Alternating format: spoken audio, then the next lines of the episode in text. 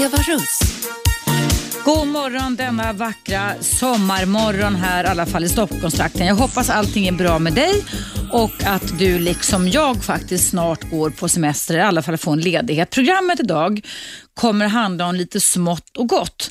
Det är dels friåkning, så det innebär att du som lyssnar just nu och vill vara med mig ända fram till klockan 12 kan ringa på numret som du säkert kan vid det här laget och det är som vanligt 0200 11 12 13. 0200 11 12 13.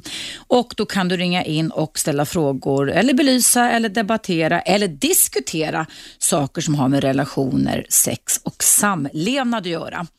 Eh, jag kommer också att eh, läsa upp en hel dröse med lyssnarmail som jag fick, inte minst ifrån ett program häromdagen där jag hade med mig en man som heter Samir Sabri som bröt eh, eh 12 år av effektiv tid i fängelser och mer än 20 års tid tung kriminalitet och nu ägnar sig i ett projekt som heter Second Chance. Det finns en hemsida för det, www.2 and chance, alltså en tvåa andsecondchance.se. Och där kan man gå in och få kontakt med honom. Men jag kommer också att ge en del råd i programmet kring hur du och det dina kan hantera alla typer av konflikter och ångest och katastroftankar som tyvärr, tyvärr verkar kunna komma och verkar kunna begynna och ställa till bekymmer i våra hjärnor och kroppar när vi ska umgås nära med varandra, vare sig det är familjen eller släkten eller den utökade familjen eh, under stora helger. Vi står ju inför en stor helg just idag. Men jag ska börja med att läsa upp ett mejl som då handlade om programmet med Samir Sabri. Då står det så här där från Inger. Och Inger skriver så här. Jag lyssnar på Samir och jag ryser och tårarna rinner. Känner igen så mycket av detta. Svek och ointresse och felbedömningar av myndigheter gällande min son! Utropstecken. Jag har gjort allt som står i min makt i 13 år nu för hans revansch i samhället. Nu blir jag så orolig. Bär han på sådant starkt hat mot nästan allt han också? Punkt, punkt, punkt. Då kommer jag aldrig att lyckas fullt ut. Tack för att ni finns och du Samir, keep on walking, love you. Hoppas att Samir Sabri lyssnar på detta.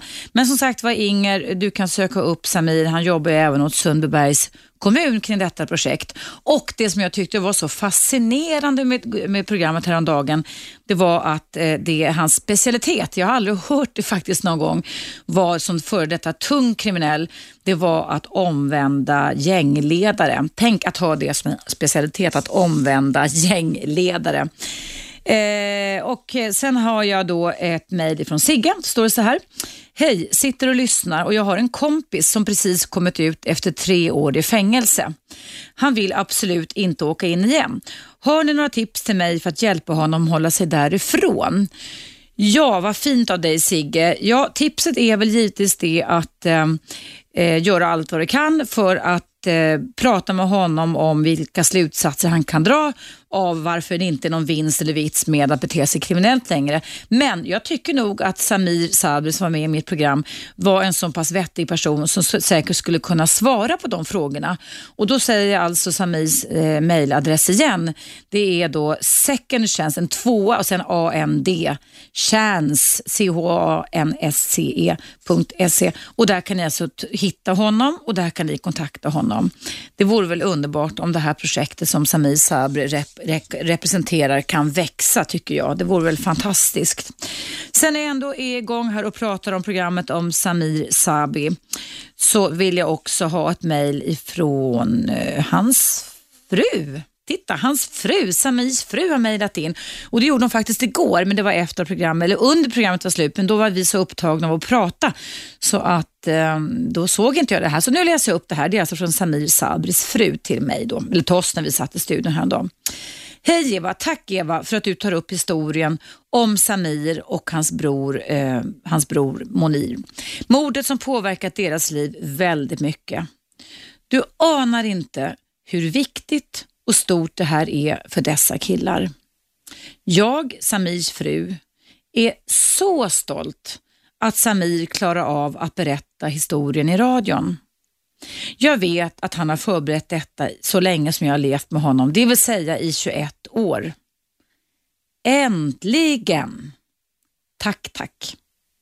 Den här dagen är stor för bröderna. Den är även stor för oss alla som känner killarna. Vi är många som känner till historien och alla har vi ägnat många timmar åt att fundera hur det kunde gå så illa. Detta har påverkat oss, på alla, oss alla på olika sätt. Allt ifrån att förstå hur en förälder inte kan bete sig till att förstå hur hjälpapparaten i samhället kan misslyckas. Tack Eva för allt du och dina medarbetare gör för att detta program finns. Med vänlig hälsning Katja Juntunen står det. Ja, det var väl eh, fantastiskt roligt det här tycker jag. Eh, det programmet kommer i, nog i repris här under sommaren och eh, många gånger så kommer program som kommer i mitten av veckan faktiskt i repris redan på helgerna. Ja, eh, jag tänkte då att eh, jag flaggar för att ni tar och ringer in till mig. Jag såg att det ringde in här när jag läste upp de här lyssnarmailen. Eh, 0200 11 12 13 är mejlet. Men då tänkte jag börja med det som kan ibland för många människor vara ett gissel inför stundande storhelg och framförallt gemenskap där kanske eh, ursprungsfamiljen, teamet, laget ska umgås med styvfamiljen, den utökade familjen eller kanske med hela släkten.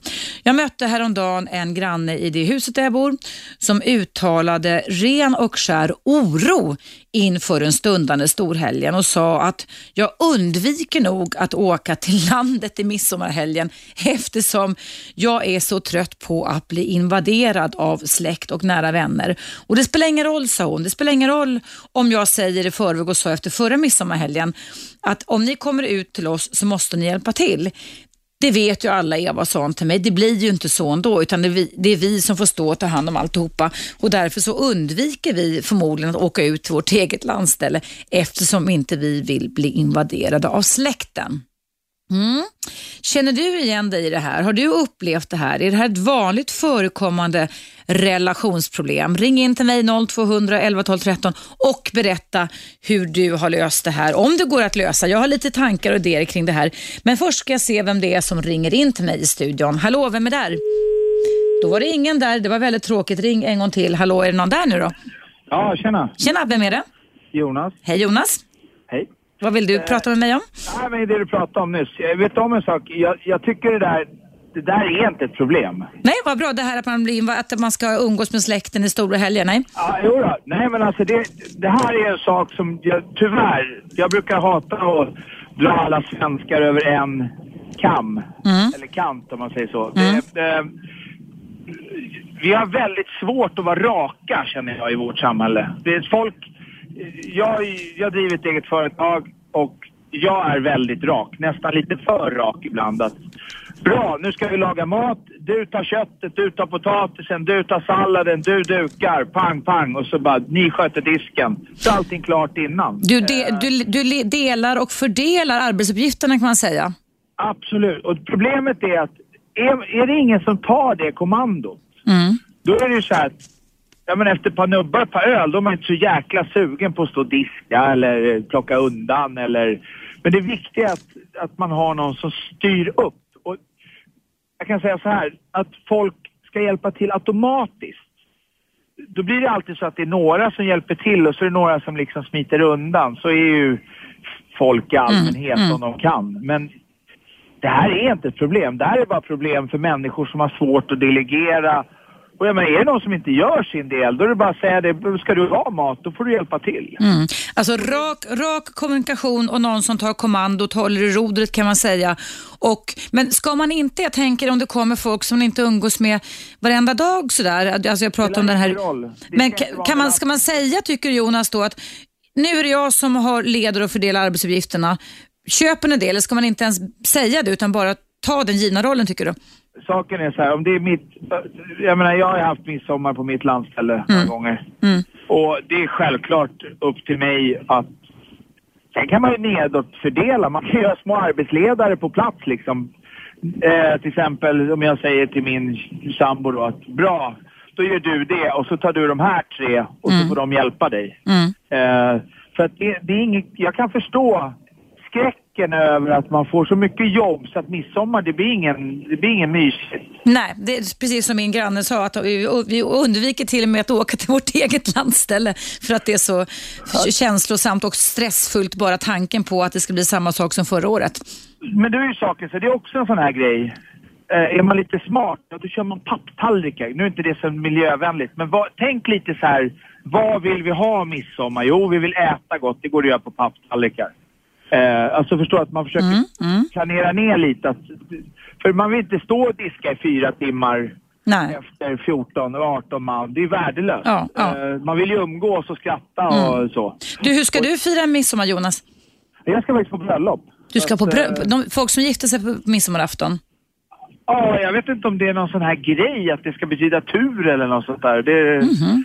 Ja. Men eh, ja, det, eh, sanningen är att jag hade nog helst bara velat eh, sitta på en kobbe med min sambo och bara titta ut över vattnet. Mm. Men eh, eh, ja, man måste ju ställa upp på sånt här också. Mm. Så att, eh, Mm. Så då blir det inget led att fördela arbetsuppgifterna på midsommarafton i, i år i alla fall för dig, nej, för din jag, del? jag blir serverad. Du blir serverad istället. Ja. så Det, kan, det kan vara ganska skönt det också emellanåt, eller hur? Absolut. Vid den här tiden per året tror jag de flesta är väldigt trötta och vi har faktiskt behov av att låta kropp och själ få vila lite också. Så är det. Mm. Absolut. Du, tack så jättemycket för dina råd. Rak kommunikation, inte vara så rädd för att säga, ta kommandot, papptallrikar och säga till folk att eh, nu är jag som leder det här och nu får ni följa mig för annars får vi inte ihop det här liksom, helt enkelt, om jag Alltså, det sammanfattar. handlar ju om att det ska inte vara så att någon blir sönderbelastad. Jag har sett det hända. Mm.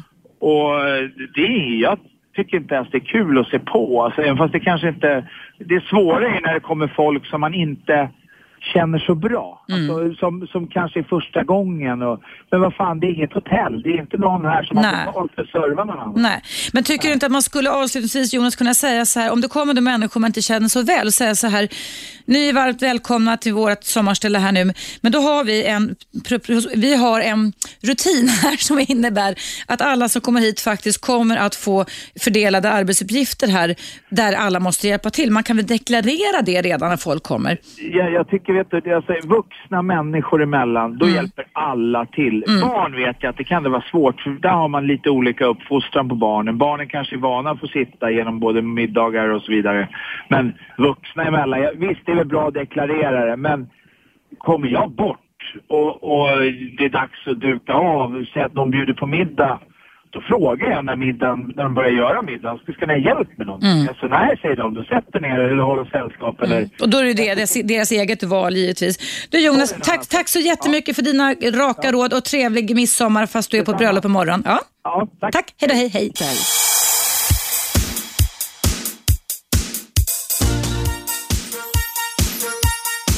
Radio 1. Eva Russ. Varmt välkommen tillbaka. Det är dagen för midsommarafton och en del personer runt om i landet kanske går omkring och rids av midsommarångest. Hur ska vi hantera det här när släkten invaderar stugan? Innan pausen pratade jag med Jonas och nu ska jag prata med Benny från Rågsved. Hallå Benny! Hej, Hej, välkommen till mitt program. tack. Jo, jag håller ju med honom här som eh, hade de åsikterna om det här med maten och det här. Men i mitt fall så handlar det mer om, som jag sa, att det blir så jävla stimmet. Det blir så mycket folk. Och har man då ett eh, landställe någonstans ute i skogen där, vilket jag har ju varit på, ja jag har ju varit på landställe. Och då dundrar det dit en 18-20 man. Då blir det, då blir det trångt, det blir stökigt och bökigt och, och, och, och, och sådär. Har man, eh, är man ledig vill man ju ta det lite lugnt. Är det människor som du har erfarenhet av Benny som har bjudit sig själva också eller har ni själva bjudit in till detta? Att det blir så många som det här klämmer ihop er? varit människor då alltså som genom åren har, eh, man har samlats sådär och eh, det var väl okej då när barnen var små va, då var det ju kul för då kunde man ju liksom göra lite sådana där lekar och sånt där, va? man hade femkamp och men sen när barnen blev vuxna och ja, började ta hand om sig själv, en del av dem fick egna barn, då, ja då blir det ju, det, det matas på hela tiden. Det blir, som jag säger, det blir, det blir för stimmet. Man blir äldre för varje dag som går. Har du någon idé om Benny vad man skulle kunna göra åt det då? Har du några Ja, tankar har på åtgärder? Nej, jag har mer eller mindre brutit trenden va, och föredrar då att jag firar ju mi- midsommar även fast jag inte dricker alkohol. Midsommar är också tyvärr förknippat med sprit. öl och vin en del som gör bort sig. Nu är inte sagt att det har varit så på våra fester, absolut inte, men jag vet ju andra då. På den tiden jag drack, jag dricker inte idag utan jag är ju en så kallad nykter alkoholist då. Så jag tar ingen alkohol överhuvudtaget va. Mm. Och det är en sån här hjälp till självhjälpsgrupp. Och, och det, det är klart att det gör ju saken lite mer komplicerad för min del då eftersom eh, en del blir ju lite glada i hatten och det vet ju du som håller på med sådana här frågor. Mm. Dricker man alkohol då sker ju en personlighetsförändring. Oh ja, oh ja. Och då blir de liksom inte så riktigt lik.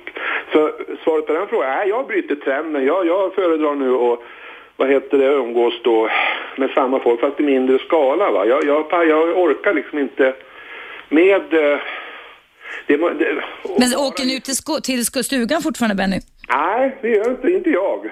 Det finns de som gör det, men, men, men jag har, har valt att kliva av det därför att det, det, är, det blir för för stimmigt. Jag kan åka ut i stugan så fortfarande står kvar, men då, då kan jag åka ut och koppla av till exempel mitt i veckan istället. Då gör du som min granne gör och undviker den på midsommarafton helt enkelt. Eller midsommarhelgen.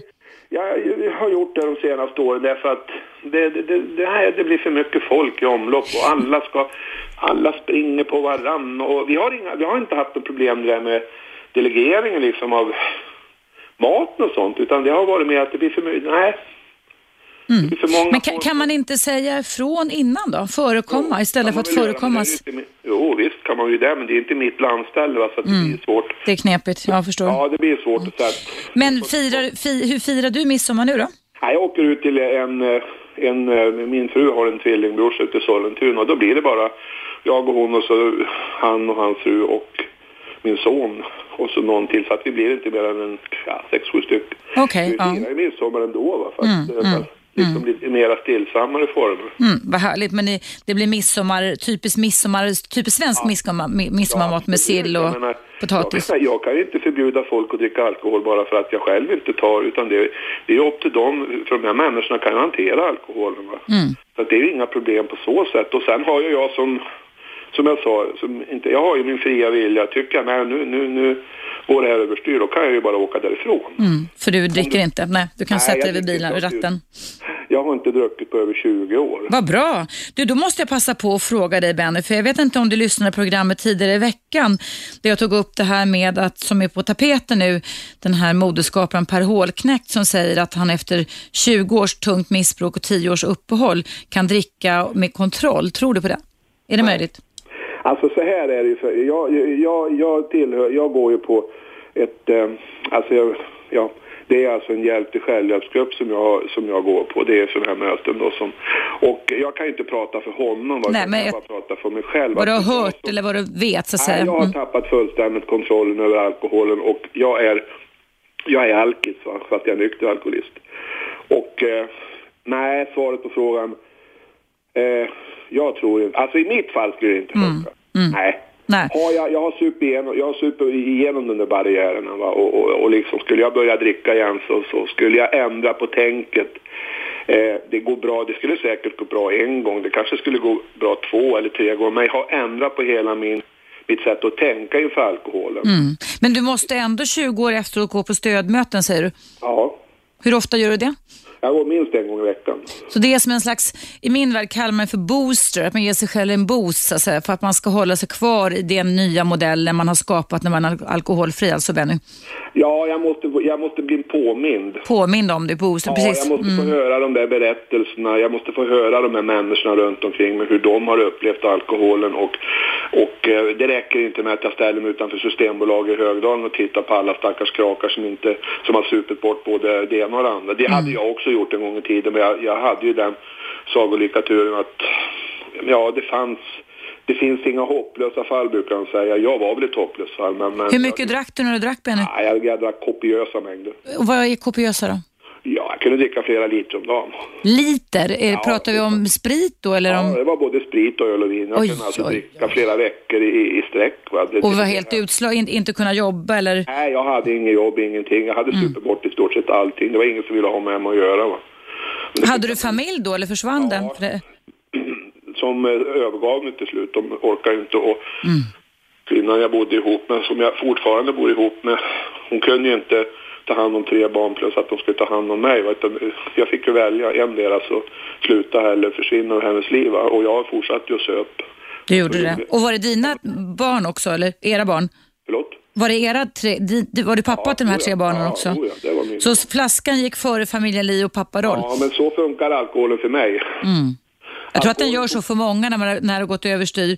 Men kunde du dricka perioder och sen hålla upp? Var det så du sa Ben? Eller? Ja, i början kunde jag göra det, men inte på slutet. Då var det liksom hela tiden. Jag drack alltså kopiöst. Jag kunde dricka en hel sommar till exempel, flera månader i sträck. Va? Är det, dricker man till frukost då? Eller, alltså, Ja, man kunde väl i stort sett säga att jag bytte ut spriten mot all föda i stort sett. Åt gjorde jag när jag liksom, ja, kände att jag på salt ihjäl. Men alltså, spriten styrde mig helt och hållet. Va?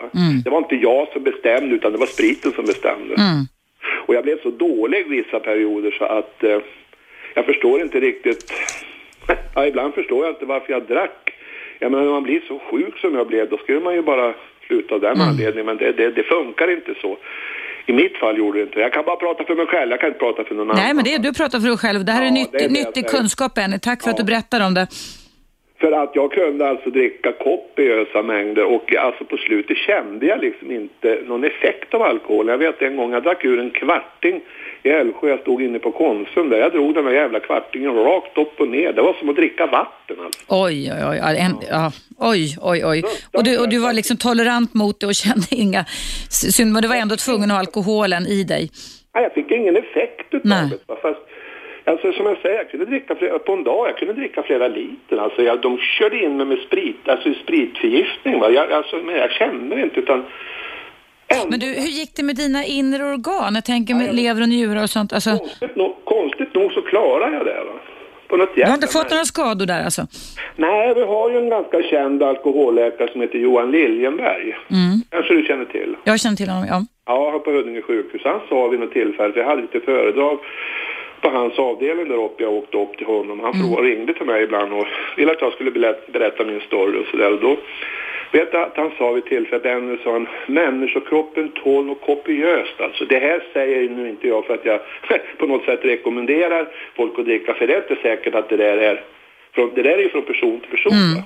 Min kropp tål kopiösa mängder. Nej, inget fel på levern och njurarna. Otroligt efter så extremt mycket alkoholdrickande. Oh, alltså jag drack under en 20-årsperiod. Oj, oj, oj. Ja, oj, oj. Det var fruktansvärda mängder jag, Ja. jag drack i mig. Men nu, nu är du nykter alkoholist och nu väljer du en midsommarfirande där det inte är så stimmigt. Och du jag kan har lärt mig det genom åren då att jag kan sätta ner foten liksom Ja. och, umgås med de människor som de behöver inte stå för mina värderingar, men jag vill inte liksom ha en massa människor som gapar och skriker och lever fan runt omkring mig. Det utan förstår då får de jag. göra det utan mig. Ja, bra. Du, tack så väldigt mycket för din öppenhet och tack för att du berättar hur du har löst det här både med alkoholproblemen och med midsommarproblemen. Jag önskar dig en jättetrevlig midsommar. Och jag önskar dig detsamma. Tusen tack. Hej då Benny. Hej. Hej då. Hej. Hej.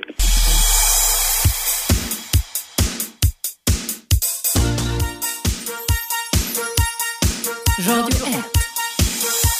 Eva Russ. Ja, varmt välkomna tillbaka till mitt relationsprogram. Idag är det friåkning. Det innebär att du som lyssnar kan ringa in och ställa frågor som har med relationer, sex och samlevnad och numret är som vanligt 0200 11 12 13. Jag har innan pausen här pratat med Eh, Benny och Jonas om midsommarångest. Hur ska man hantera det när man blir invaderad i sommarstugan eller i hemmet? Jonas tyckte att man skulle leda och fördela arbetet, ta kommandot, förenkla för sig med hjälp av olika papptallrikar. Och Benny han tyckte att han sedan länge hade tröttnat på det här stimmiga, att man är ute i stugan och det, det invaderas av folk. Så han tyckte att man kunde bryta trenden och umgås i mindre skala.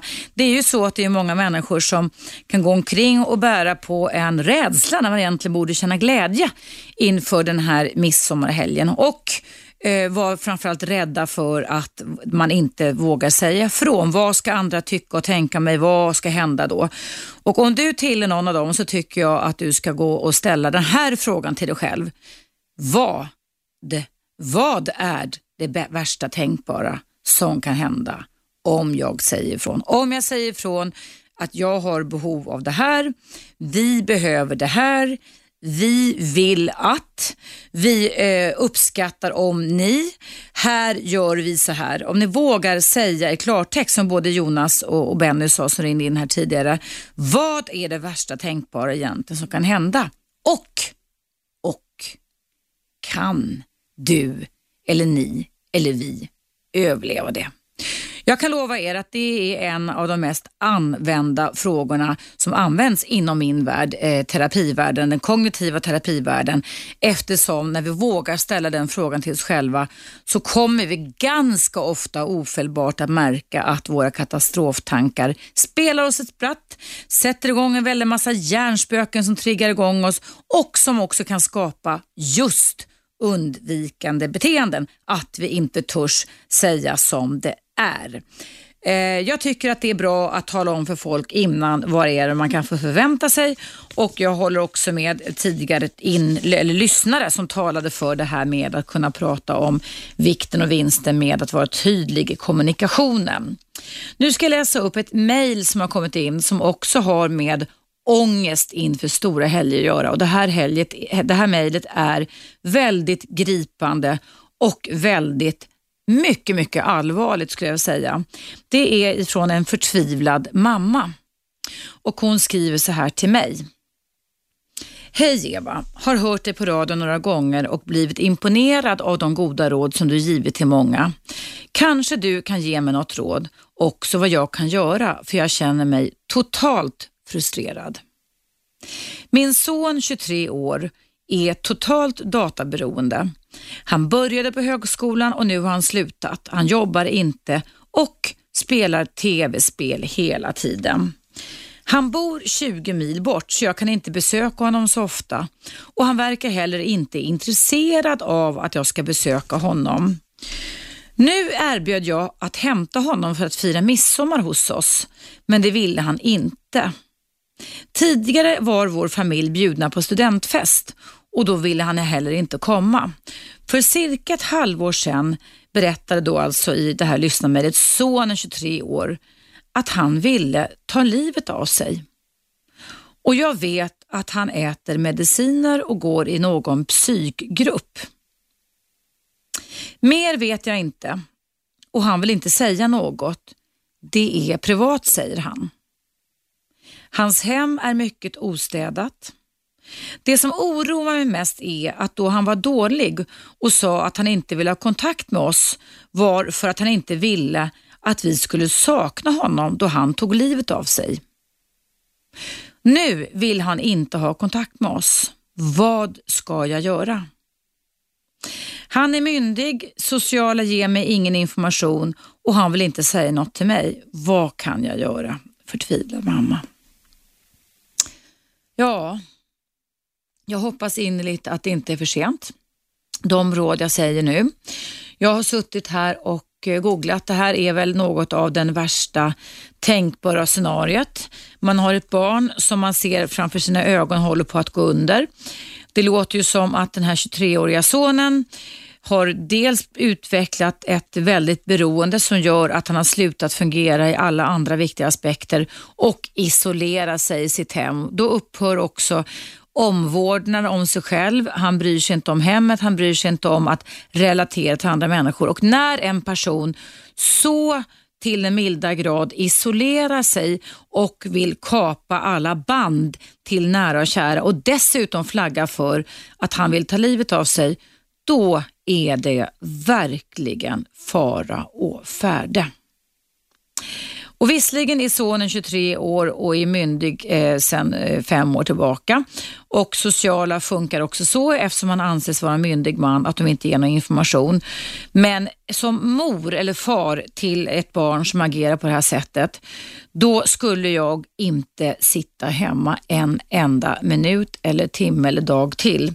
Jag skulle aldrig acceptera att mitt barn inte vill ha kontakt med mig. Jag skulle ta i princip en helikopter till den här staden som ligger, eller i alla fall ta mig dit så fort som möjligt. Och jag skulle framförallt också ta kontakt med en läkare. Det, det, finns nämligen, jag har googlat på det här just nu, om man tittar på Vårdguiden som eh, landstinget ger ut, i alla fall Stockholms läns landsting, så finns det faktiskt, faktiskt någonting som heter lagen om psykiatrisk tvångsvård. Och då står det så här. Vid allvarliga psykiska störningar kan det bli nödvändigt att vårda en människa mot hennes vilja, så kallad tvångsvård. Det kan det till exempel förekomma vid psykoser då patienten kan skada sig själv eller andra. Lagen om psykiatrisk tvångsvård finns till för att skydda framförallt den sjuke men även omgivningen. Och Då står det så här vidare, man kan bara vårdas mot sin vilja om man har en allvarlig psykisk störning som till exempel psykos eller depression med självmordstankar. Det krävs även att sjukdomen gör det nödvändigt med vård dygnet runt och att man inte går med på att få vård frivilligt. Att tvingas till vård kan upplevas som kränkande. Därför är situationen noggrant reglerad i lagen om psykiatrisk tvångsvård, LPT, och i föreskrifter från Socialstyrelsen. Lagen är till för att skydda den som är psykiskt sjuk. Tvångsvården ska alltid ges kort tids möjlighet. Målet är att patienten ska kunna medverka frivilligt till nödvändig vård och ta emot den hjälp som behövs. I det här eh, oerhört, oerhört gripande mejlet som jag fick igår då ifrån denna förtvivlade mamma. Där sonen nu gör allt vad han kan. Han har alltså kapat banden, han är djupt deprimerad, han hotar att ta livet av sig och han vill inte relatera till någon. Då är det verkligen fara och färde. Och då står det vidare så här att eh, för att man ska tvångsvårda krävs att patienten först blir noga undersökt av en legitimerad läkare. Eh, och om patienten inte låter sig undersökas frivilligt eller våldsamt så kan läkaren få hjälp från polisen. Det innebär alltså att du mamma eller du som känner igen dig i detta oerhört fruktansvärda scenario bums tar kontakt med kanske även polis och läkare. Här handlar det om den, din 23-åriga sons liv och när han jobbar på att isolera sig och är redan så pass dålig skick så är det nog med varningssignaler. Ta er dit till eran son direkt. Jag skulle tycka att ni skulle kunna ta med en låssmed och bryta upp hans lås och jag tycker att du ska ringa till polis och eh, sjukhus på den orten han bor och säga det. För här har ni fått alla tänkbara signaler på att han inte vill leva längre. Det här var något av det mest värsta och ruskigaste mejl jag faktiskt har fått in till mitt program. Jag är ganska berörd av det här. Så eh, ta dig dit, acceptera inte nej, utan här får ni agera. Det här handlar om liv och död.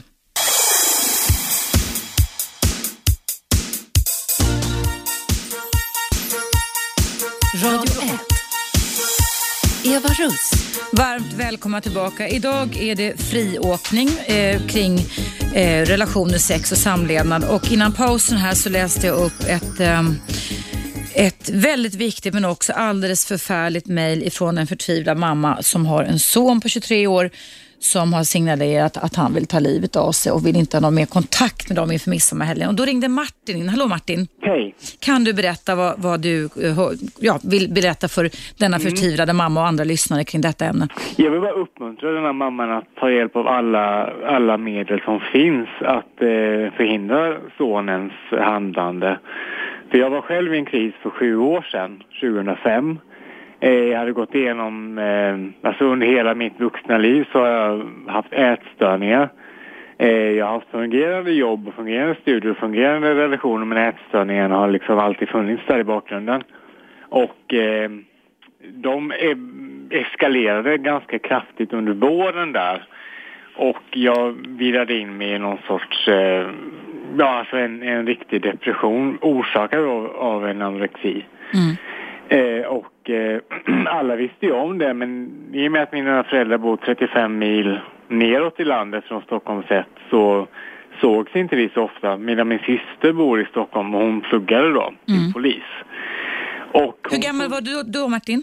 2005? Eh, 2005 var jag eh, 26. Okej. Okay. Mm.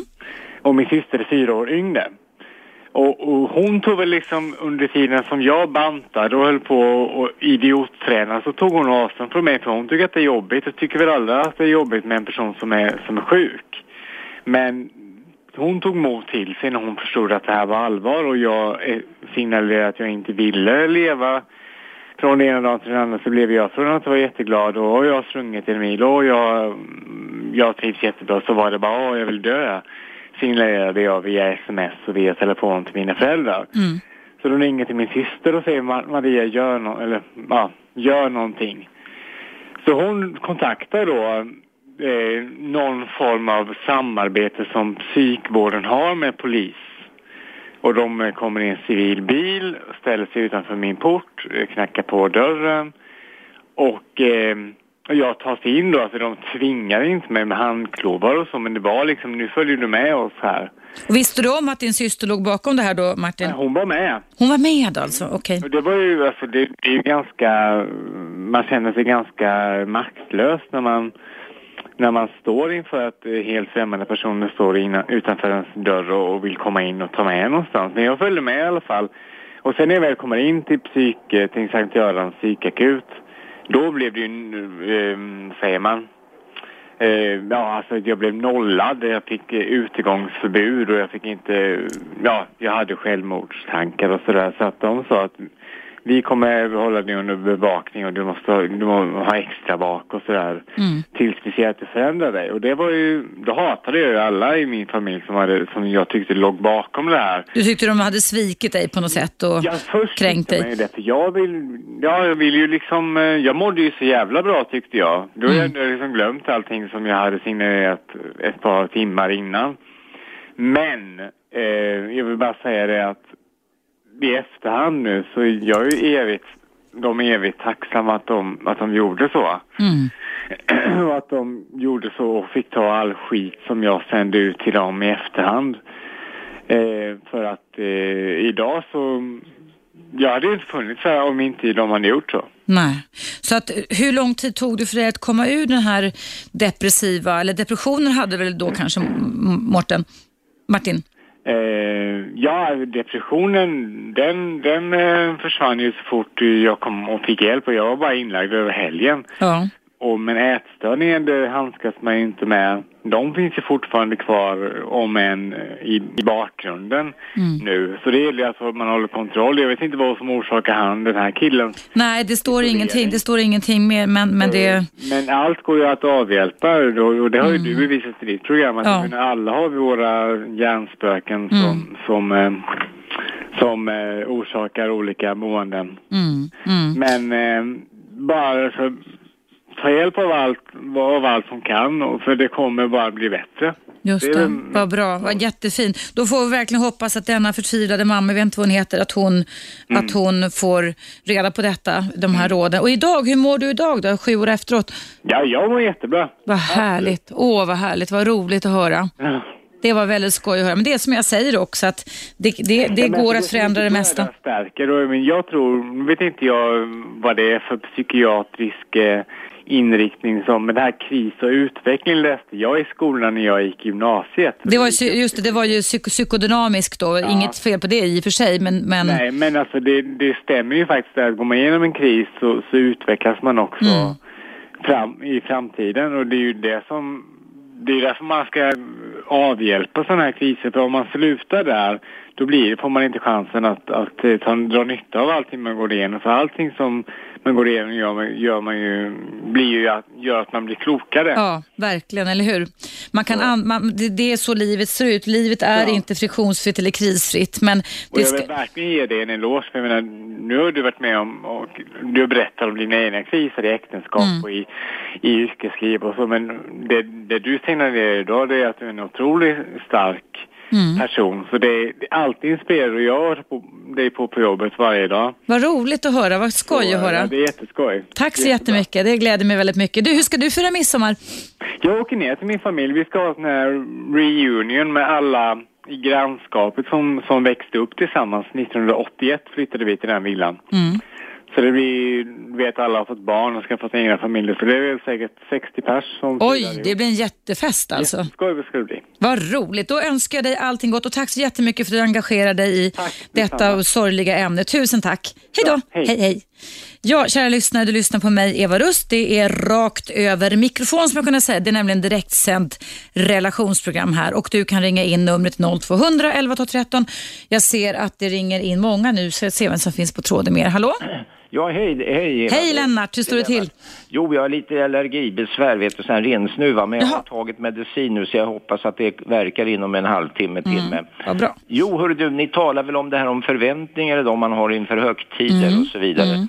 Jo, det var ju egentligen, om man ska gå till den faktiska sanningen, så var det ju midsommarafton igår, för det var ju sommarsolståndet igår, onsdagen. Mm. Jag, läste tidningen att det var idag.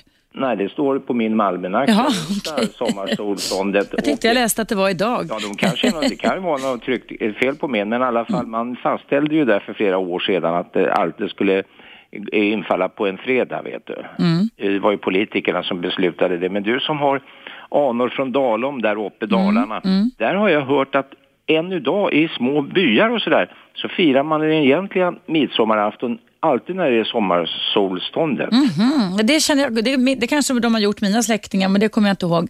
Eh, Så jag kommer ihåg det där när jag var barn alltså, då änd- eller ja, jag var väl nästan vuxen, då ändrade de på det där med att eh, fastställde det att det skulle vara alltid på en fredag va, så att inte midsommarafton inföll på en måndag eller tisdag va, för att då liksom, de kan ju reglera almanackan lite godtyckligt tydligen, vet du, Eh, från den eh, Vad ska, du, vad ska du göra Lennart då, i midsommarhelgen?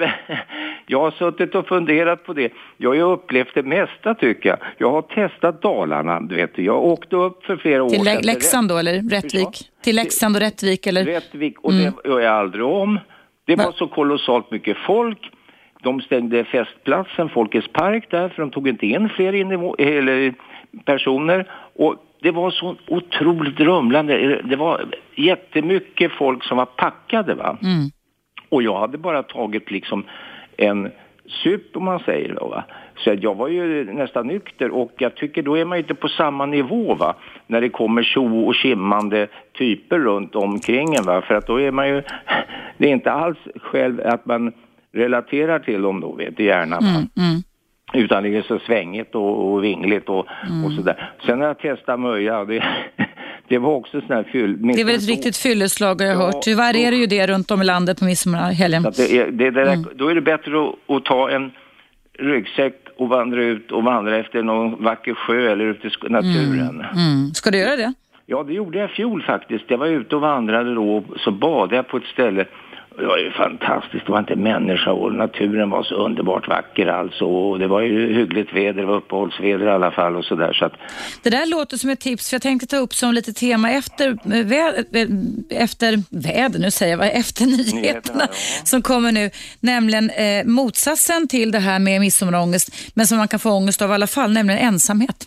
Du vet, det var, ja precis. Det var en som skrev i veckan i DN om det där va. Att man har, människor har så uppskruvande förväntningar på det här och en del som kanske har flyttat till Stockholm, inte har släktingar här och så vidare och lever i en, eh, ensamhushåll så att säga. Eh, ensittare då, som jag. Eh, vad ska de göra då? Det blir en jävla ångest och man har en viss, man kan nästan ka- kalla det för en form av prestationsångest Ja, alltså. ja. Men ditt råd tycker jag var väldigt, väldigt fint, att sätta på sig ryggsäcken. Och du, du gjorde det då ute i naturen och liksom Mm. njöt av sommarens fantastiska eh, sinnliga upplevelser. både med dofter och med beröring Ja. och med vatten och sådana saker. Jag kan tillägga det att jag var ute igår så gick jag på stan så tänkte jag så här. Då gick jag förbi sådana cykelställ. Vet, du, nu kan man ju, om man har kort så kan man ju ta, mm. låna cyklar då. Och jag cyklade runt Djurgården vet du. Det var en fantastisk känsla när man kom ut där till Blockhusudden och så cyklade jag ner till, vad heter det, eh, eh, mm, Biskopsudden. Och Rosendals slott där uppe var jag och tittade. Och fantastisk skön kväll alltså. Det var så ovanligt, det var så lite folk ute. Det är väl det att de förbereder kanske här med midsommarafton och så vidare. Det ska handlas ut sprit och man ska ladda batterierna för det där va. mm, ja. Men jag missunnar inte folk och, ja, jag har också testat en annan grej men jag fick här allergibesvär då. Jag var uppe på, ute i Roslagen och på, på midsommarafton på lågdans. Mm. Och eh, det var inte så kul då för att då fick jag en sån snuva va. Det var riktigt så Oj då. Ja, jag förstår. Men det, tipset till en del människor som känner sig sådär, tänk på det att man kan även, som engelsmännen säger, eh, njuta av sig själv och ha roligt för sig själv. Va? Just det, och det ska vi prata om mer om i pausen. Det var jättekul att prata med dig Lennart. Jag önskar dig en trevlig midsommarhelg. Ja, vad ska du upp till Dalarna du? Eh, jag ska inte upp till, jag brukar alltid fira Dalarna, men jag ska fira ute i skärgården för jag har en systerdotter som konfirmeras på midsommardagen inne i Stockholm. Lite tokig se- kan jag tycka, men ja. Får jag bara säga en avslutande. Jag vill inte låta, jag missunnar inte folk att ta sig en snaps eller ha roligt och gå, åka till Möja och sånt. Men det, man har ju en egen upplevelse av saker och ting. Va? Så att jag förstår ju de som gärna vill, om, när, jag- när jag var yngre, va? Vi, låt oss säga sådär eh, 20-årsåldern, då var man ju ett gäng som åkte till någon ställe vet du va. Och då blev det ju lite krö, eh, sponken, det blir ju alltid vin eller sprit och sådär va. Men det där liksom har jag kommit ifrån på något vis, men jag missunnar inte folk. Nej, men det, det, det, det, det är bra att du det säger det, men det, så har jag inte så det- uppfattat det. det är heller. Jag ringer in bara och liksom ser ner eller klankar ner på någon. Du, pra, du pratar om livskunskap och livserfarenheter. Du, nu måste vi ta en liten paus här Ja, för nyheterna. Jag får- Så- Glad midsommar Tack detsamma Lennart, vi hörs Hej, säkert hej. till hösten. Hej, hej!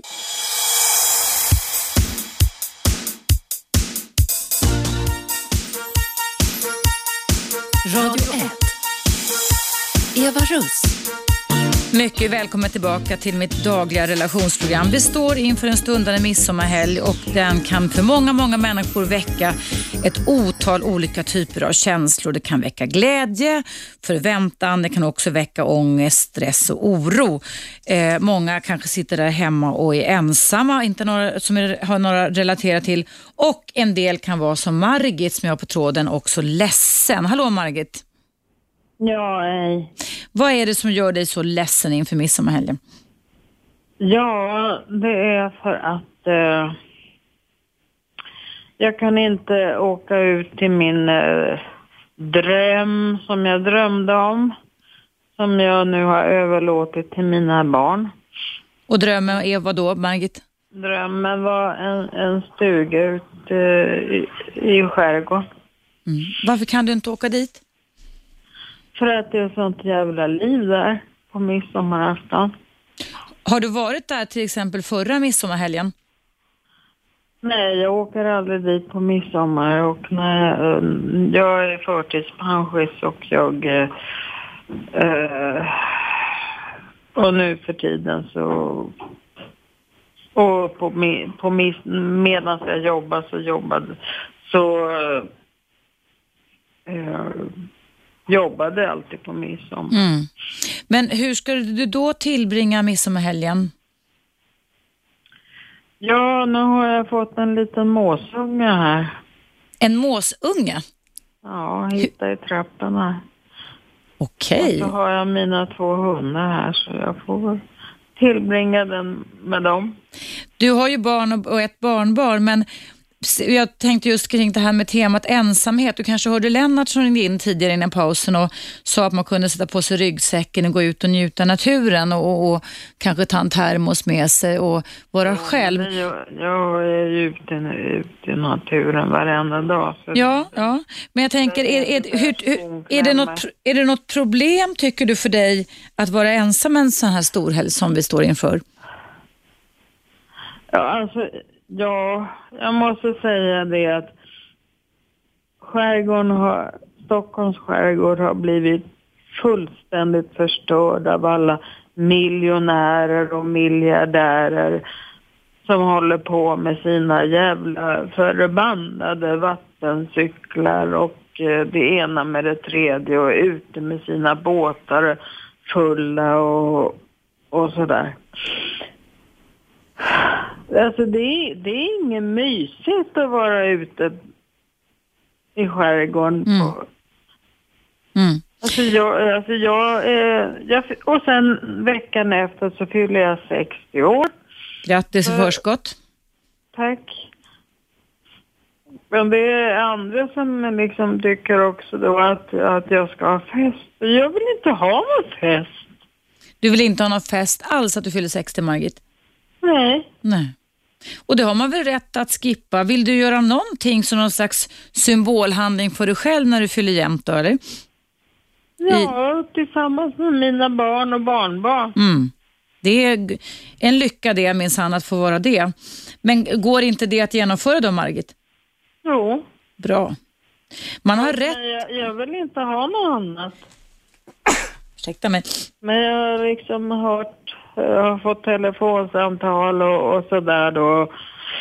Ja, bla bla bla bla. Att du, att du måste ställa upp på alla andra. Nej, det behöver du faktiskt inte. Du, Nej, jag vill inte det. Ma- men du har rätt att lyssna på dig själv. Mm. Men du, midsommarhelgen här nu, så du lät ju ganska ledsen när du ringde upp mig här i pausen. Då undrar jag, vad är det du är ledsen över? Eller var ledsen över? Jag är ledsen över att eh, de här förbaskade miljonärerna har förstört skärgården. Okej, det är det du är ledsen över. Och då undvi- Min, min skärgård, där stod det kossor i varenda hage och hästar och det ena med det tredje. Och eh, det mig fan inte ett jävla liv. Nej, Det, nej. hör, det hörs ju som, det hörs ju så väl. Mm. Men du, om du nu ska relatera till dig själv här i midsommarhelgen, då är det en självvald ensamhet kan man säga med den här lilla må- måsungen som vi hoppas kan överleva din vård och dina två hundar. Vad kommer du göra då tror du? Nej, jag kommer att försöka ta hand om dem och sen så hoppas jag att mina barn vill komma hem till mig och äta lite middag och sådär. Mm. Men skulle inte de vara i skärgården dit du inte vill åka sa du eller? Vad sa du? Skulle inte dina barn vara i skärgården också eller? Nej, de åker väl efter. Ja, de är väl där på midsommar antar jag. Ja, ja. Men, men eh, du ser inget problem med att sitta ensam hemma i, i, för din egen del Margit? Nej, det gör jag inte. Mm. Men jag tycker, jag tycker att det är så inne helvete sorgligt att, att folk alltid ska förvänta sig att man ska, ja den och den, den och den dagen, då ska man ha fest. Och då, ska, då ska det vara så in i helvete festligt.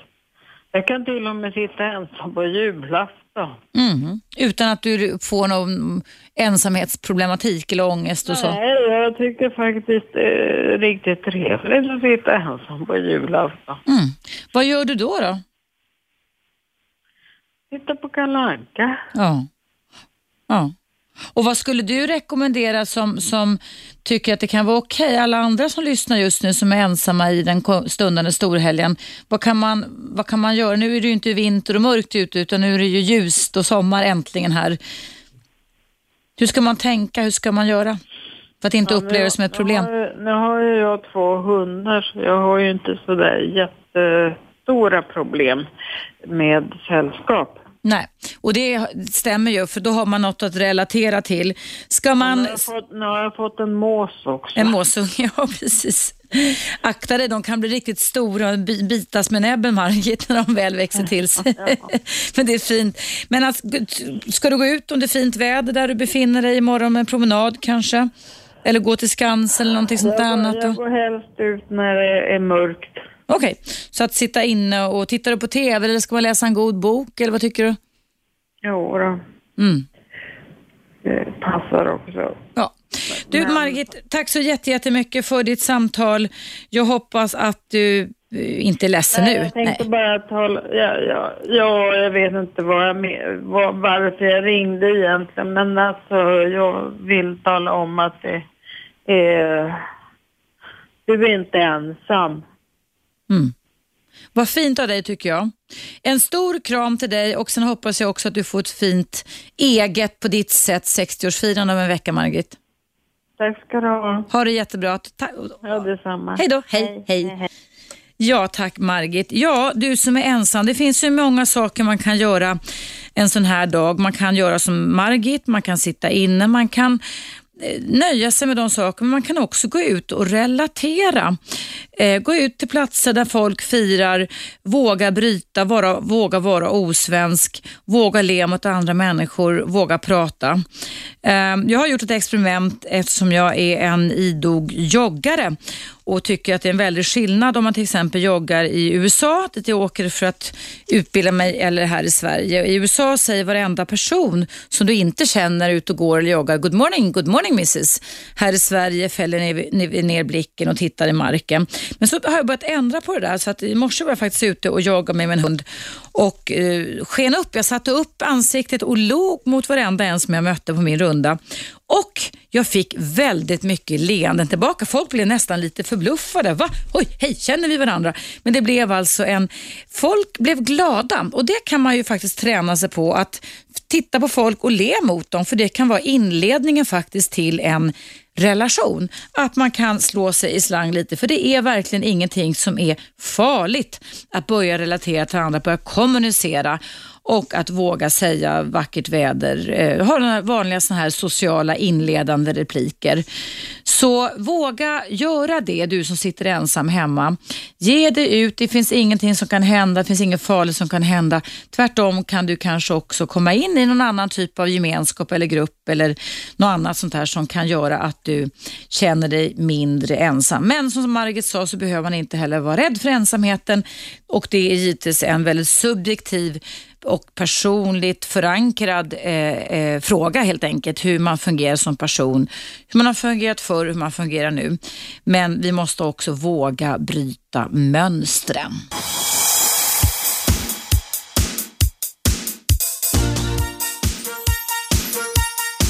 Radio 1. Eva Russ.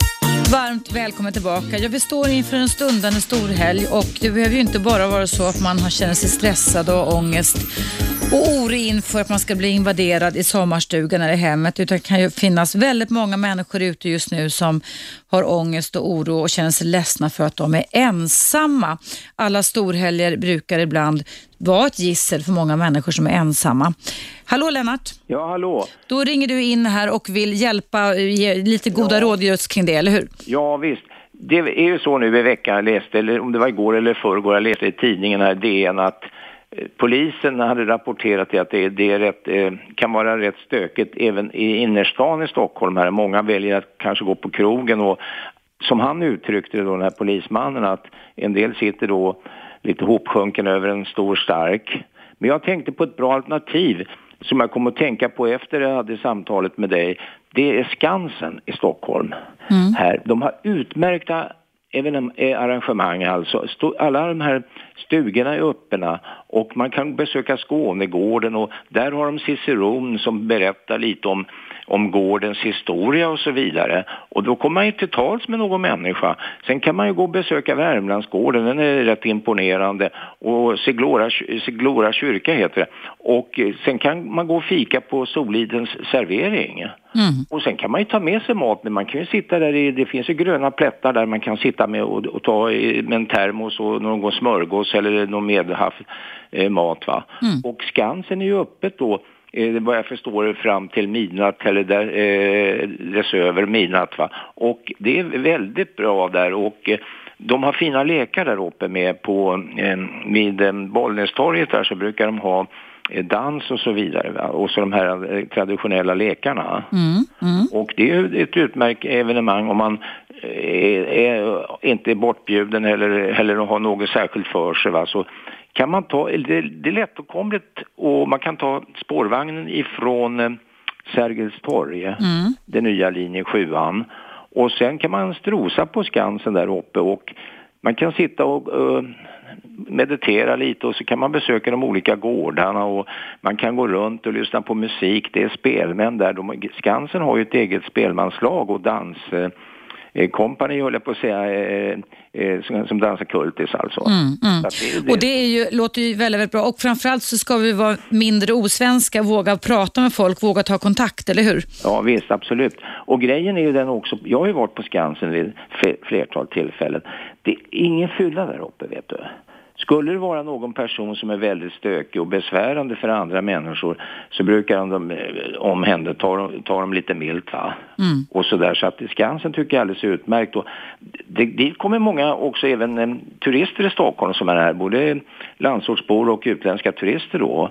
Och det tycker jag är kul att gå där uppe och det finns saker hela tiden att beskåda alltså. Och alla Mm. de här, jag, tror, jag var inne ett år, vet du, den här, vad heter han, Kronberg heter han väl, hans ateljé där, den här Münchenmålaren.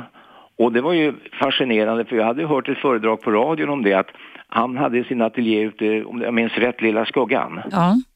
Och eh, hans mamma var bosatt där och då kom det någon mecenat dit och så vidare. Och morsan hans sprang omkring alltid med en sån här eh, eh, jakobinmössa, vet du, röd to stor toppluva va. Och då tog, ryckte han ifrån, han blev så generad över hennes beteende där, eller, eller fason, va? så han tog den där toppluvan från tanten och sprang in i, ateljén och spikade upp den i taket. Va? Så jag var och letade efter den där mössan senast, den där, frygiska mössan. Va? Ja. Så man kan få mycket infall. Nej men Skansen rekommenderar även Margit, men nu vet inte jag, Margit har ju två hundar va? Och hon kanske inte kan lämna dem. Jag vet inte hur det förhåller sig med jyckarna om de är vana att vara lite ensamma. Ja, en fem, sex timmar kan, kan ju en hund det. klara sig om det det inte är en kan jag valp. rekommendera Margit. att Skansen är väldigt trevligt och om hon har väl någon väninna så ta, kan hon gärna gå med eh, den personen alltså. Det, ja, det var bara att komma och tänka på efteråt. Ja, men toppen. Tack snälla Lennart. Som, av, som en avslutning, det är väldigt märkligt hur du en sak här. Jag har tre kalender. En almanacka, ICA, där står det sommarsolståndet är idag. Sen har jag en Almqvist Wiksell, det är också solståndet idag. Men så har jag en annan kalender som hänger på väggen och där står det att det var igår. Va? Ja, men vi pratade just om det för att jag såg i Svenska Dagbladet då så stod det att det var sommarsolståndet idag och jag tänkte jag ska efter den här radiosändningen senare då ta hand om mitt lilla barnbarn över natten och sen ska vi fira midsommar på min ena systers eh, landställe. Men i alla fall, eh, och då, då eh, tänkte jag som så att Mm. fasiken, jag har ingen lust att gå och lägga mig i natt för jag vill vara vaken på dygnets längsta Ja, dag. Så att, jaha, vad konstigt hörru du, men det spelar väl ingen roll i och för sig. Det är idag i alla fall. Det är. Två mot ett mer, Ja. vet du, det överskuggar andra. Ja. Men, men grejen är med Skansen, som sagt var, kan avsluta med att säga med att det är mycket så här människor som är, bor i Stockholm som landsortsbor, va, som Mm. har sina genuina folkdräkter på sig och sådär. Jag tycker det är väldigt eh, Trevligt, vad roligt. trevligt sätt att fira midsommar. Och eh, jag vet, vi hade amerikanska släktingar här för många år sedan. Och de tyckte det var fantastiskt med Skansen. Mm, alltså. vad det är roligt. Sverige i miniatyr, vet du, från norr Ja, just det. Och med alla dessa gårdar som finns där som Och representerar landskapen. Man Ja, kan visst. besöka Skånegård etc. som jag sa. Men det var det jag ville bara säga. Underbart. Tack snälla Lennart för att du bidrar till detta. Ha det jättebra du själv också. Hej, Hej då. hej. Hej. Ja, du lyssnar på mig, Eva Rust. Det är friåkning här på Radio 1. Numret är 0200 11 12 13. Och jag ska ta in ett samtal till. Det ringer väldigt mycket just nu. ska vi se vem som finns på tråden. Hallå? Hallå? Ingen? Nej. Vi se. Hallå, finns det någon där? Hallå? Hallå? Hallå? Ja, hej, hej. Hej, vem pratar jag med? Eh, Ulf, hej. Hej Ulf, välkommen till mitt program. Ja, jag hade en rolig, eh, inte rolig, det var väl tragiskt. Jag jobbade på Skansen för många år sedan. Ja. Och då är det så här att eh, läkarna många gånger psykiskt sjuka eh, går på Skansen därför att det är ett rekreationsområde för, för psykiska sjuka. Och eh, vid två tillfällen då en som eh, roade sig med att bita tag i bänkar och stå och, och gunga med den i luften för han var så stark. Mm. Och sen fanns det den här, ursäkta uttrycket, pissmaja. Hon eh, satt alltid bland turister där och kissade på sig, den här stackaren. Oj då. Tvångsmässiga beteende kan man säga. Ja. Ja, och det hade en Bollnässtugan där. Det hade sådana här spelmansdagar. Mm. Aftonar där, och eh, där gick orkestern in då och de började spela där inne. Jag jobbade alldeles bredvid där. Jag jobbade med barn. Och eh, då, eh, alla turisterna strömmade in och sist gick den här damen in då. Och det var ju varmt där inne. Och det tog ungefär en, ja, kunde det vara en 20 minuter ungefär. Så hörde man hur stråkarna lag av och alla turister kom ut och spelmännen och sist kom den här damen då. Det luktade inte sagt fan va. Hon var ju sedermera förbjuden att vara på Skansen. Mm. Men för övrigt så, så är det så, jag vet inte hur det är fortfarande, men det, det, det är en, en, en, eh, på något sätt så är det en stimulans för de här människorna som är psyksjuka att gå på Skansen. Det är precis som den tidigare talade, man får en, en helt annan, eh, när man ser alla dessa kulturstugorna och man ser naturen och ser människor eh, så blir man lugnare. Jag vet inte om det är det som är anledningen till att läkarna skriver ut eller ber dem att de ska gå dit. Så det, det, det är din uppfattning att, att man, eller du har hört det, att man kan till och med rekommendera folk som mår psykiskt dåligt att gå på Skansen? Ja, absolut. Fantastiskt, vad, vad intressant hör du. Väldigt, väldigt intressant. Ja. Så att eh, det kan bota många även som har enklare oro, ångest och ensamhetskänslor. Inte, inte bota vill jag inte påstå, Nej. men de kan få en paus. En paus, ja. Vad härligt. i Det låter nästan som lite mindfulness-träning, alltså medveten närvaro, att man växlar om tankarna mot någonting annat så att man lämnar problematiken man har man, inom har sig ju, just då. man har djuren där uppe va. Mm. Man har Lillskansen inte att förglömma, där det är väldigt mycket barn som det är väldigt populärt, Lillskansen. Mm. Och vill man inte det så kan man ju då, om man tycker det är roligt, så kan man åka det här tåget som går runt Just det. Skansen. Och eh, sen finns det ju, de kan, som han tidigare sa, att man kan ha sin mass, matsäck. Det går att sitta även i klippan emot Sjöstorska. Mm. Man kan sitta på berget där eller sitta på de här borden som har vid Bollenstorget Mm. Och äta sin egen mat. Mm. Så att jag kan verkligen rekommendera Skansen. Vad härligt. Vad ska du själv göra annars?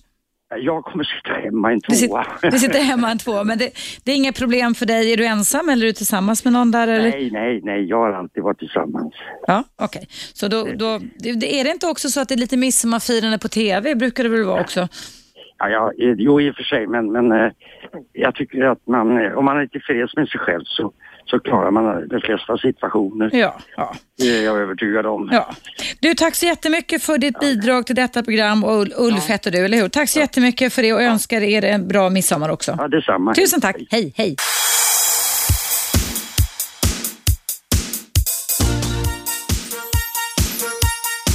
Radio 1. Eva Russ. Välkomna tillbaka. Det här är ett direktsänt relationsprogram och eh, jag pratade för en liten stund sedan och kommenterade ett eh, väldigt oroväckande mejl ifrån en mamma. En förtvivlad mamma som eh, har en 23-årig son som ett flertal tillfällen har hotat att ta livet av sig och som nu klipper kontakterna. Jag sa då att det är fara och färde och att hon borde kontakta läkare eller polis. Och Då fick jag faktiskt in ett mejl och att, i och med att det här är direktsändning så uppskattar jag det väldigt mycket. Det är från Mia Polis. Då står det så här. Be mamman att ringa 112. En vanlig arbetsuppgift för polisen är att åka dit och ta sig in och polisen kan även själva ta ett LPT 47-beslut, alltså fara i dröjsmål och köra in personen till närmsta psykakut där läkaren sen kan fatta vårdbeslutet. Vid självmordsrisk är detta ett ultimat verktyg och polisen ska kontaktas. Tack snälla Mia polis som ringer in detta. Det var en kommentar till något som vi alltså hade tidigare då. Ehm, vi ska se här, jag har fått fler kommentarer kring det här. Jag sitter själv här inne i studion kring detta. Nej, jag har fått det från Mia, nu har jag läst upp det. Då vet du om det. Det är ju faktiskt så att man kan göra skillnad också när man har direktsänd radio. Och det är också väldigt, väldigt viktigt att eh, om du idag eh, känner någon som eh, börjar alltså isolera sig och börjar prata om, om att man vill ta livet av sig och börja kapa relationerna. Det är ju faktiskt så att sådana här storhelger kan faktiskt trigga igång och göra att människors ensamhets och övergivenhetskänslor eller, eller bortvaldhetskänslor kan triggas igång och faktiskt leda till att vissa befinner sig i farozonen. Och då är det faktiskt väldigt, väldigt viktigt att vi tar och agerar och reagerar och gör någonting för andra medmänniskor. Och det här handlade alltså om ett mejl ifrån en väldigt förtvivlad mamma eh, som jag har fått rakt in här. Och num- eh, mej- ja, mejlen till mig är evaradio1 Men numret in till mig rakt in i studion är också 0211 12 13. Och nu ska vi se vem som finns på tråden. Hallå, vem är där? Hallå, vem är där? Finns det någon där? Hallå, finns det någon här? Ja, Hej, vad bra. Vad heter du? Filip. Fredrik? Filip. Filip, förlåt jag hörde inte. Okej, hej Filip. Vad vill du tala med mig om idag? Jo, jag pratade med dig för, om du kommer ihåg det, för några månader sedan. Det var jag som blev sexuellt utnyttjad av min pappa. Det kommer jag ihåg. Jag kommer ihåg väldigt mycket. Tack ska du ha. Det är bara att jag glömmer bort namnen ibland. Ja, precis. Det är inget fara. Nej, men jag vill bara tacka dig för alla, alla underbara program du har nu på förmiddagarna. För jag lyssnar på dig nästan varenda dag. Och man får som, vad heter det? Man, man blir sporrad att göra mer saker i livet man hör på dig. Menar du det? Vad gulligt av dig. Jo. Jag liksom, precis när jag ringde dig den dagen så var jag lite, det handlar ju, handlar ju om det ämnet då, så det var ju rätt så bra. Men jag har precis varit och kollat på en ny lägenhet då. Mm. Och som jag eventuellt skulle kanske få eller köpa. Och nu har jag fått den och nu håller jag på att inreda den och det ska bli jättekul midsommar med vänner och bekanta så vi ska hålla på och inreda och sånt. Åh, vad roligt. Så ni ska ägna er åt att sam samarbeta liksom tillsammans i ditt nya hem? Ja, precis. Vad ro- det var väl en bra idé också att göra så? Att sätta alltså typ hammare och spik och penslar i vännernas händer? Exakt, det kommer inte bara bli sånt utan det kommer bli lite fest och partaj också. Ja. Men eh, det ska bli jätteskönt faktiskt. Vad roligt, vad härligt. Toppen, toppen. Ha, vad skoj att höra dess, detta beröm då. Var det det du ville säga till mig?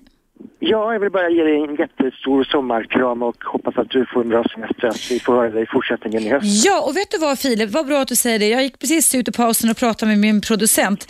Eh, 13 augusti drar jag igång igen och jobbar hela hösten fem dagar i veckan här på Radio 1. Så 13 augusti, ja, eller, härligt eller hur? Så då hoppas jag att du vill fortsätta lyssna.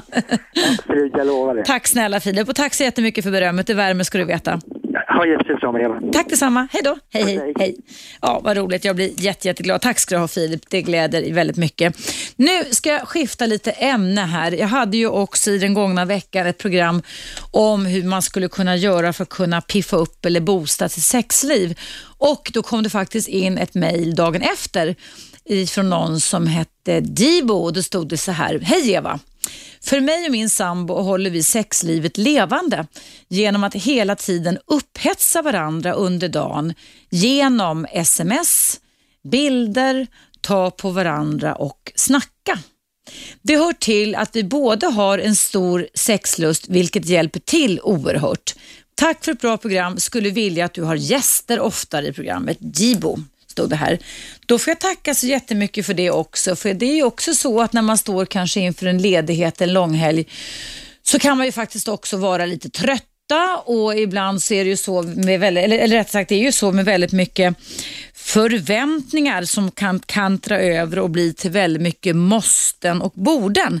Och Då kan det vara bra för dig att veta då att om du står inför en stundande helg eller sommarlov eller sommarledighet och tänker i massa måste och borde-tankar, så om det i alla fall gäller känslor och sexlivet, så kommer det ofelbart inte att bli så som du har tänkt dig. Det går till exempel inte att få en orgasm vare sig för en man eller kvinna om man måste ha en orgasm. Det är fullständigt otänkbart. Däremot så kan det vara viktigt att kalibrera in goda känslor. Goda känslor, dagdrömmar som Debo skrev in till mig här, visualisera, tänka tillbaka på goda minnen man har haft när man hade det bra och var känslomässiga, intima, sexuella, förtroliga gentemot varandra. Det kan förändra känslor väldigt mycket. Men, det har jag sagt tidigare, det tål att sägas en gång till. Visste du vad som är världens mest beprövade sätt att förändra en känsla på? Jo, det är musik. Vi har ju ingen musik här på Radio 1 eftersom det här är en prat och åsiktsradio.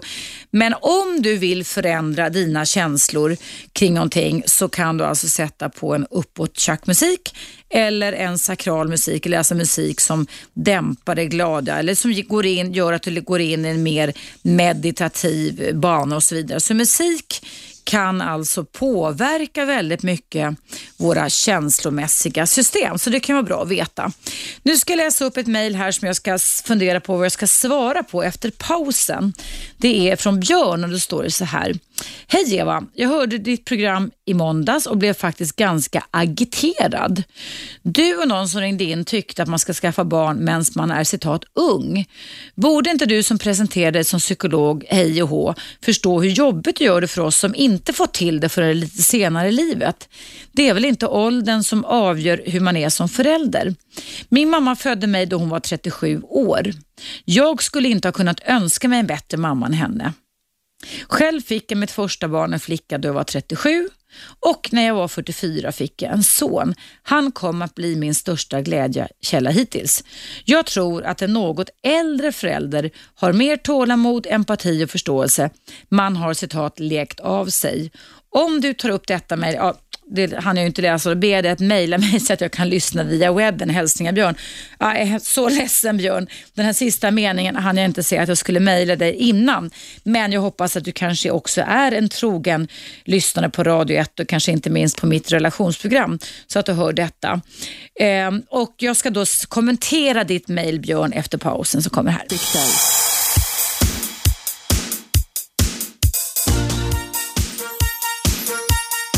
Radio 1. Eva Russ. Varmt välkommen tillbaka. Jag sa att du skulle kommentera Björns mejl här, men då fick jag en lyssnare som ringde in och vi ska ta det först. Hallå där! Ja, hallå? Jag hörde inte vad du, uppfattade inte vad du hette. Kristina. Kristina. Säg vad du ville, sa till mig här i pausen. det var så jag roligt. Det här som jag hörde igår kväll, det här med Samir, det var, det, det var så fantastiskt bra. Det var som en predikan. Jag är själv diakonissa och jag tycker det går ofta i kyrkan. Och det här, det tycker jag det ska vara som en, en präst kan säga en predikan, det här om förlåtelse. Det var så fantastiskt bra. Jag tyck, eh, hur han kunde förlåta sin pappa efter allt det här hemska som har varit. Så jag, jag tycker det var helt fantastiskt. Jag tycker det var det bästa som har varit i det här programmet. Vad roligt att höra. Ja, det blev en väldigt fin intervju, men det berodde ju också på att han var en väldigt empatisk och inkännande person som efter 20 års kriminalitet har helt vänt om. Alltså. Ja, just, och så hur han kunde hjälpa andra. Och jag tänker på han som har varit i det. Han förstår ju precis hur de tänker och känner. Och då tänker hur han sen kunde användas till allt det här som har varit till att hjälpa andra. Det tyckte jag var så fantastiskt fint. Ja. Och tack så mycket för all trevliga, jag lyssnar på det så ofta jag kan och det ett trevligt program. Men det här, jag en sak till. Det här programmet går bara att lyssna på i Stockholm, på radion. Det går inte på Gotland. Eh, ja, via webb, webben går väl att lyssna på? Ja, men inte på radion, inte på det här på det Nej, det, nej, det stämmer, för det, det har med någon, någon, typ av nät att göra, men man kan ju alltid lys- lyssna på webben och så. Så att, Ja, eh, men- vad roligt. Du, du bor på Gotland då alltså? Ja, jag bor i Stockholm, men jag är på Gotland då. på. Jag förstår, jag förstår. Men tack så mycket för ett trevligt, jag lyssnar alltid på det och sådär och jag tänkte jag måste ringa in och säga för jag tycker det var, det var så gripande det här och har hans det här program, det, här, det var som en, en predikan man fick nu till midsommar. Ja, det var helt fantastiskt. Jag ska hälsa dem. Tack för att du lyssnade och glad midsommar. Hej då. He- Hej, hej. Ja, vad roligt hörni. Det var skoj med att höra reflektioner. Det var Samir Sabri. Tål att upprepas tycker jag som var med mig häromdagen. Samir Sabri som har hemsidan www. En tvåa först och sen and, alltså second, tvåa, så är and, chance.se tror jag det var. Nu ska jag bara snabbt komplettera vad Björn hade skrivit in här. Du tyckte att jag, eh, tyckte, att jag sa att jag tyckte man ska skaffa barn medan man är ung. Nu är det ju direktsändning och jag minns inte exakt vad jag sa. Men eh, jag tror att jag tänkte som så att det är bra. Jag tror jag tog mig själv som ett exempel. Jag var 23 år när jag fick mitt första barn som då alldeles häromdagen fyllde 32 år. Och jag sa då att jag tycker att för min del, nu har jag liksom inget val för det är redan avklarat, men så har jag tyckt att det kan vara en glädje i att man är en ung förälder. För då hinner man med det här att få barnbarn, kanske till och med barnbarnsbarn och man hinner hänga med och vara ung och pigg. Men allting är ju relativt och allting är väldigt subjektivt och jag har verkligen inte sagt att eh, så här ska det vara. Jag försöker faktiskt hitta någon slags mellanväg eh, att ge mina råd. Men ibland kanske det kan låta som så att jag tyckte så. Men jag utgick bara ifrån mig själv. Men hade jag som du Björn kanske varit 37 år när jag blev mamma, eller 44, så hade jag säkert hävdat att det här var det bästa sättet också. Då sätter vi punkt för det. Nu ska vi se vem det är som ringer så ivrigt. Hallå, vem är där? Oj! Oj, det lät som ett vattenfall. Hallå, vem är där? Ja, det är Ingegärd. Hej Ingegärd, hur står det till med dig? Jo, tack hörru. Jag, Eva, du, alltså, jag tycker att du har fantastiska program. Men jag är så besviken på Robert när han sitter och säger igår att eh, han brukar säga att Gert är min, min mycket god vän till honom.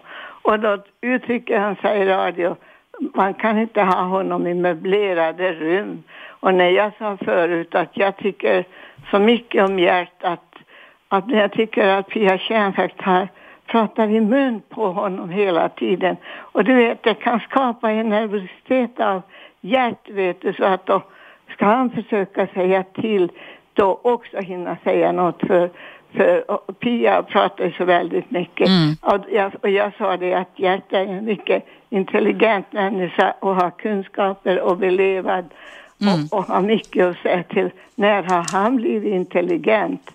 Mm. Kan du förstå detta, du som har en psykologisk och pedagogisk utbildning? Nej, det kan, nej, det kan jag Hur faktiskt kan inte göra. man uttrycka sig att Nej. en gammal god vän och stå rakt i radion för världen och säga sånt? Nej, nej det Vad förstår säger jag inte. Jag kan inte kunskaper? Ja, ja. Nej, jag, kan, jag vet ju inte riktigt hur det där gick Ja, till. ja, Alltså. exakt sådär. Man kan inte ha hjärt i möblerade rum. Ja, om det inte är så att de här känt, om jag har förstått så har Gert och Robban känt varandra i väldigt, väldigt Ja, många år. Så Ja, att det kan ja, hända att det kan vara en tuff jargong mellan dem. Förstår du? Att de... Men så säga om, jag ska aldrig uttrycka mig Nej, jag håller med dig. Jag håller med dig. om en god vän på det Mm. öppet i radio. Det var någon som ringde och klagade på att Gert talade så mycket. Men jag har, eftersom jag har läst mycket psykologi också, så att alltså Gert måste liksom forcera om han ska hinna säga någonting. Mm. För Pia Tjärnfalk pratar så vansinnigt mycket och, och försöker eh, mästra mm, Gert, alltså säga ja, skärp dig Gert och du har ilningar i din hjärna och allt sånt där. Hur, vad reagerar man åt det alltså? Va? Man blir ju nervös automatiskt. Mm, mm. Jag tycker att Gert är en humoristisk person och lättsam person. Och eh, jag tycker jättebra om Gert alltså. Och Gert har ju sin lista som han säger och då pratar han ju en hel del. Mm. Så jag, jag sa, jag sluta att lyssna på, på, jag tänkte ringa till Robert idag och tala om det där att Det kan du göra. Det kan du göra, det tycker jag. kan du säga sånt? Och jag har sagt, jag tycker du har så förbannat dåliga program nu så att det handlar bara om sex och om allt mellan. Det är inget lärorikt längre. Och så var en annan som ringde Sörmland och sa, jag är trött nu för det finns inget, det är så ytliga människor som ringer in där. Alltså, jag lyssnar på dig Eva. Och det är som du sa, musiken. Musiken är det bästa tillgång för hjärnan. Det har jag ju lärt mig. Jag är ju 80 år gammal. Och att lyssna, man kan ju lyssna på andra kanaler och, och så att man mår bra. Men jag tycker det var, du har ju en sån, du har ju en sån utbildning och, och du besvarar människor, du tar till dem alltså. Mm. Mycket klok person Eva är du. jag gillar dig. Tack, tack. Det var gulligt av dig att höra. Tack så men hemskt mycket. Tycker du inte att jag har lite poäng i det vad jag säger? Ja, det beror på vad du menar. Om du tycker att jag är en bra person så tycker du om poäng. men så att uttrycker jag skojar. sig på det där ja. sättet. Jo, men det, det, jag hörde ju inte det här som du kommenterade så jag Ja, tycker men det... det, kan du höra på igår på Ja, nätet. jag får ta och göra det.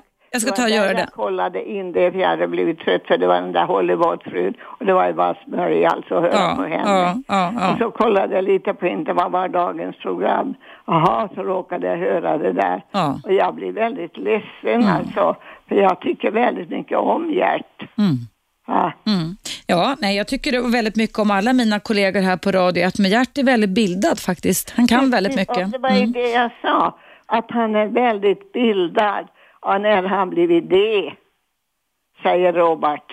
Mm. Om jag- det inte är så att det är deras kompis, för jag har ingen aning. Men, avundsjuka mm. lite därför att och klagar på att han kan inte sköta båtarna och allt det där. Jag har så hemskt gott minne ser du. Så att man kan in- man inte slå på fingrarna för jag har ett sånt hemskt gott minne Mm. och liksom alltid klagat på Gert. Aldrig några goda ord. om- Gert talar aldrig illa om Robert eller någon. nej. nej. Puss och kram på dig. Och Tack snälla, ha det jättebra så hörs vi den 13 augusti igen i livesändningen. det- En fin midsommar. Tack detsamma. Tusen tack för att du ringde in. Hej då. Hej, hej, hej. Ja, kära lyssnare, det börjar dra ihop sig mot sitt slut i mitt direktsända relationsprogram. Det här programmet går i repris klockan 22 på vardagar och eh, några, några program i urval på helgerna. Men jag tror också att eh, ganska många av mina program kommer du att kunna fröjdas åt och lyssna till under sommarledigheten som inträffar från och med nu för min egen del.